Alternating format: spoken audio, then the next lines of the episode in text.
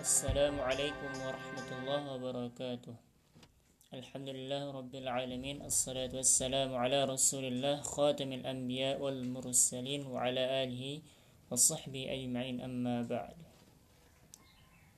Alhamdulillah kita bisa ngobrol lagi di pagi hari ini Di 8 Ramadan 1441 Hijriah.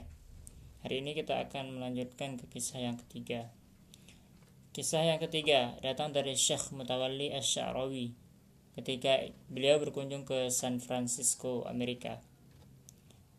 Beliau ditanya oleh seorang orientalis, "Apakah ayat-ayat di Al-Qur'an yang uh, kalian itu seluruhnya benar?"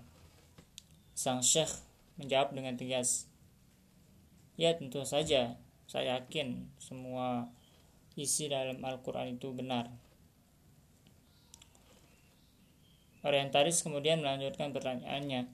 Lalu, mengapa Allah jadikan orang-orang kafir berkuasa atas kalian? Padahal dalam Al-Quran disebutkan bahwa eh, orang-orang kafir itu tidak bisa menguasai orang-orang yang beriman. Yang itu uh, tertera dalam surah An-Nisa, potongan surah An-Nisa ayat 141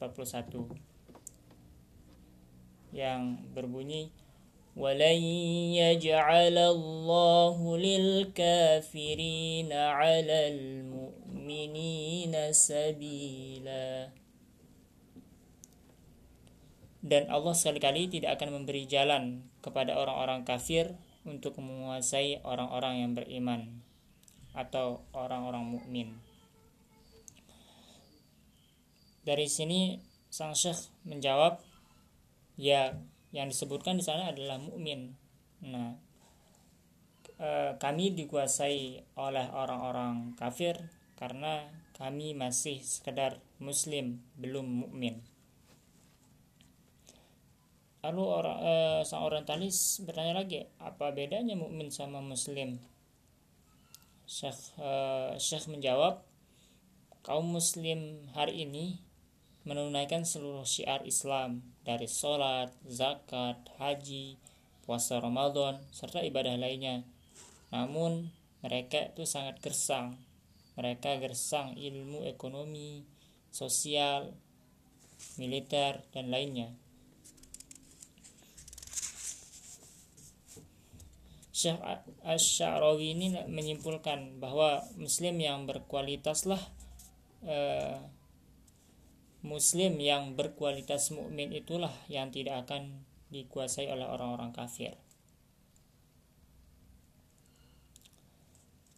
Mungkin memang jawaban Syah Syarawi ini dianggap sebagai sebuah apologi atau sebuah pembelaan keimanan saja uh, oleh sang orientalis sehingga memang orientalis itu mungkin belum puas dengan jawaban sang syekh tapi bagaimanapun kita sebagai seorang uh, bagian dari umat Islam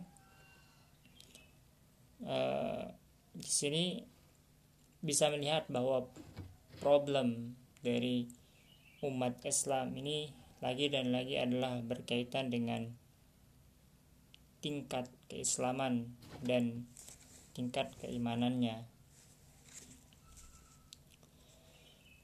Oke, mungkin untuk uh, cerita yang ketiga ini saya cukupkan.